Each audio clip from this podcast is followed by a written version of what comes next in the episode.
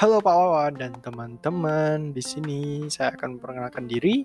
Nama saya Jauza Panca Eru Cakra nomor absen 15 dari kelas 12 IPS 4. Jadi di sini saya akan mereview sebuah artikel yang sudah saya baca yang berisinya materi tentang rekayasa genetika.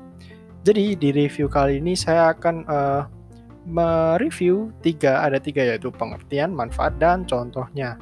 Jadi langsung kita simak saja. Yang pertama adalah pengertian dari rekayasa genetika adalah rekayasa genetik yang dilakukan dengan memanipulasi gen, DNA rekombinan, cloningan gen, genetika modern dengan menggunakan beragam prosedur dan teknologi modifikasi genetik. Jadi seperti itu pengertiannya.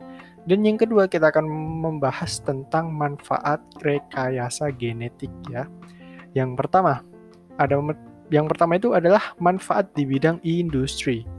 Jadi, yang dimanfaatkan dalam upaya pengkloningan bakteri di beberapa fungsi tertentu seperti melarutkan logam yang yang diambil langsung dari perut bumi, menghasilkan bahan kimia sebagai bahan baku pemanis buatan, menghasilkan bahan mentah kimia seperti etilen untuk pembuatan plastik dan lain sebagainya.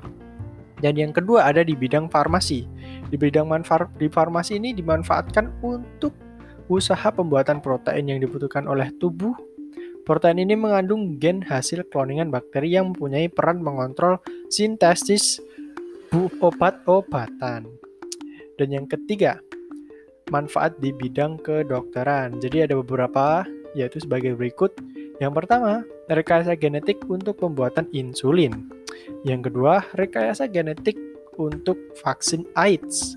Dan yang terakhir ketiga, rekayasa genetik untuk terapi gen. Jadi kita lanjut. Yang keempat, manfaat di bidang pertanian. Ada beberapa, ada tiga ya. Jadi yang pertama, membantu menghasilkan tanaman yang memiliki kemampuan untuk menangkap cahaya lebih efektif. Dengan begitu, efisiensi fotosintesis pun semakin meningkat. Yang kedua, membantu menggantikan pemakaian pupuk nitrogen yang harganya cenderung lebih mahal tapi banyak dibutuhkan oleh petani.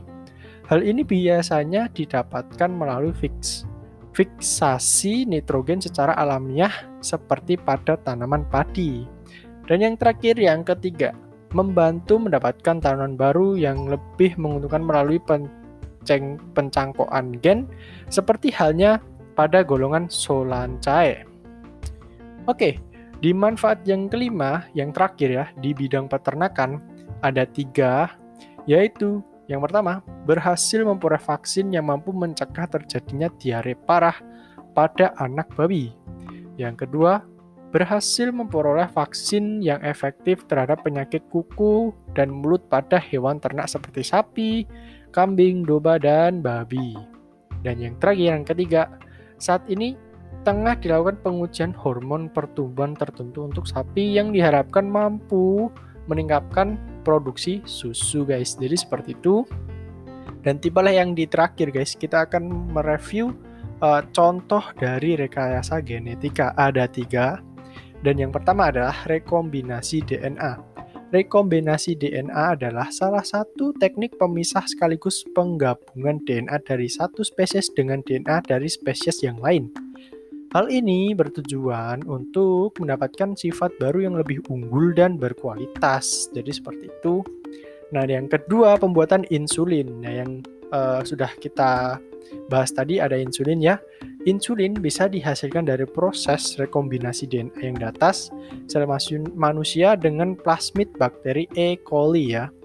Insulin ini dinilai lebih murni dan bisa diterima dengan baik oleh tubuh manusia. Sebab insulin hasil proses rekombinasi mengandung sejumlah protein manusia dibandingkan dengan insulin hasil sintesis gen pankreas hewan. Dan yang terakhir dari contoh e, rekayasa genetika yaitu vaksin hepatitis ya. Vaksin ini berupa virus yang sengaja dilemahkan dan jika disuntikan ke dalam tubuh manusia akan membentuk antibodi-antibodi khusus sehingga kebal terhadap serangan hepatitis yang berbahaya guys jadi seperti itu dulu artikel yang sudah saya baca mengenai materi tentang rekayasa genetika ini Bila ada kata-kata yang salah, saya mohon maaf. Terima kasih. Bye-bye.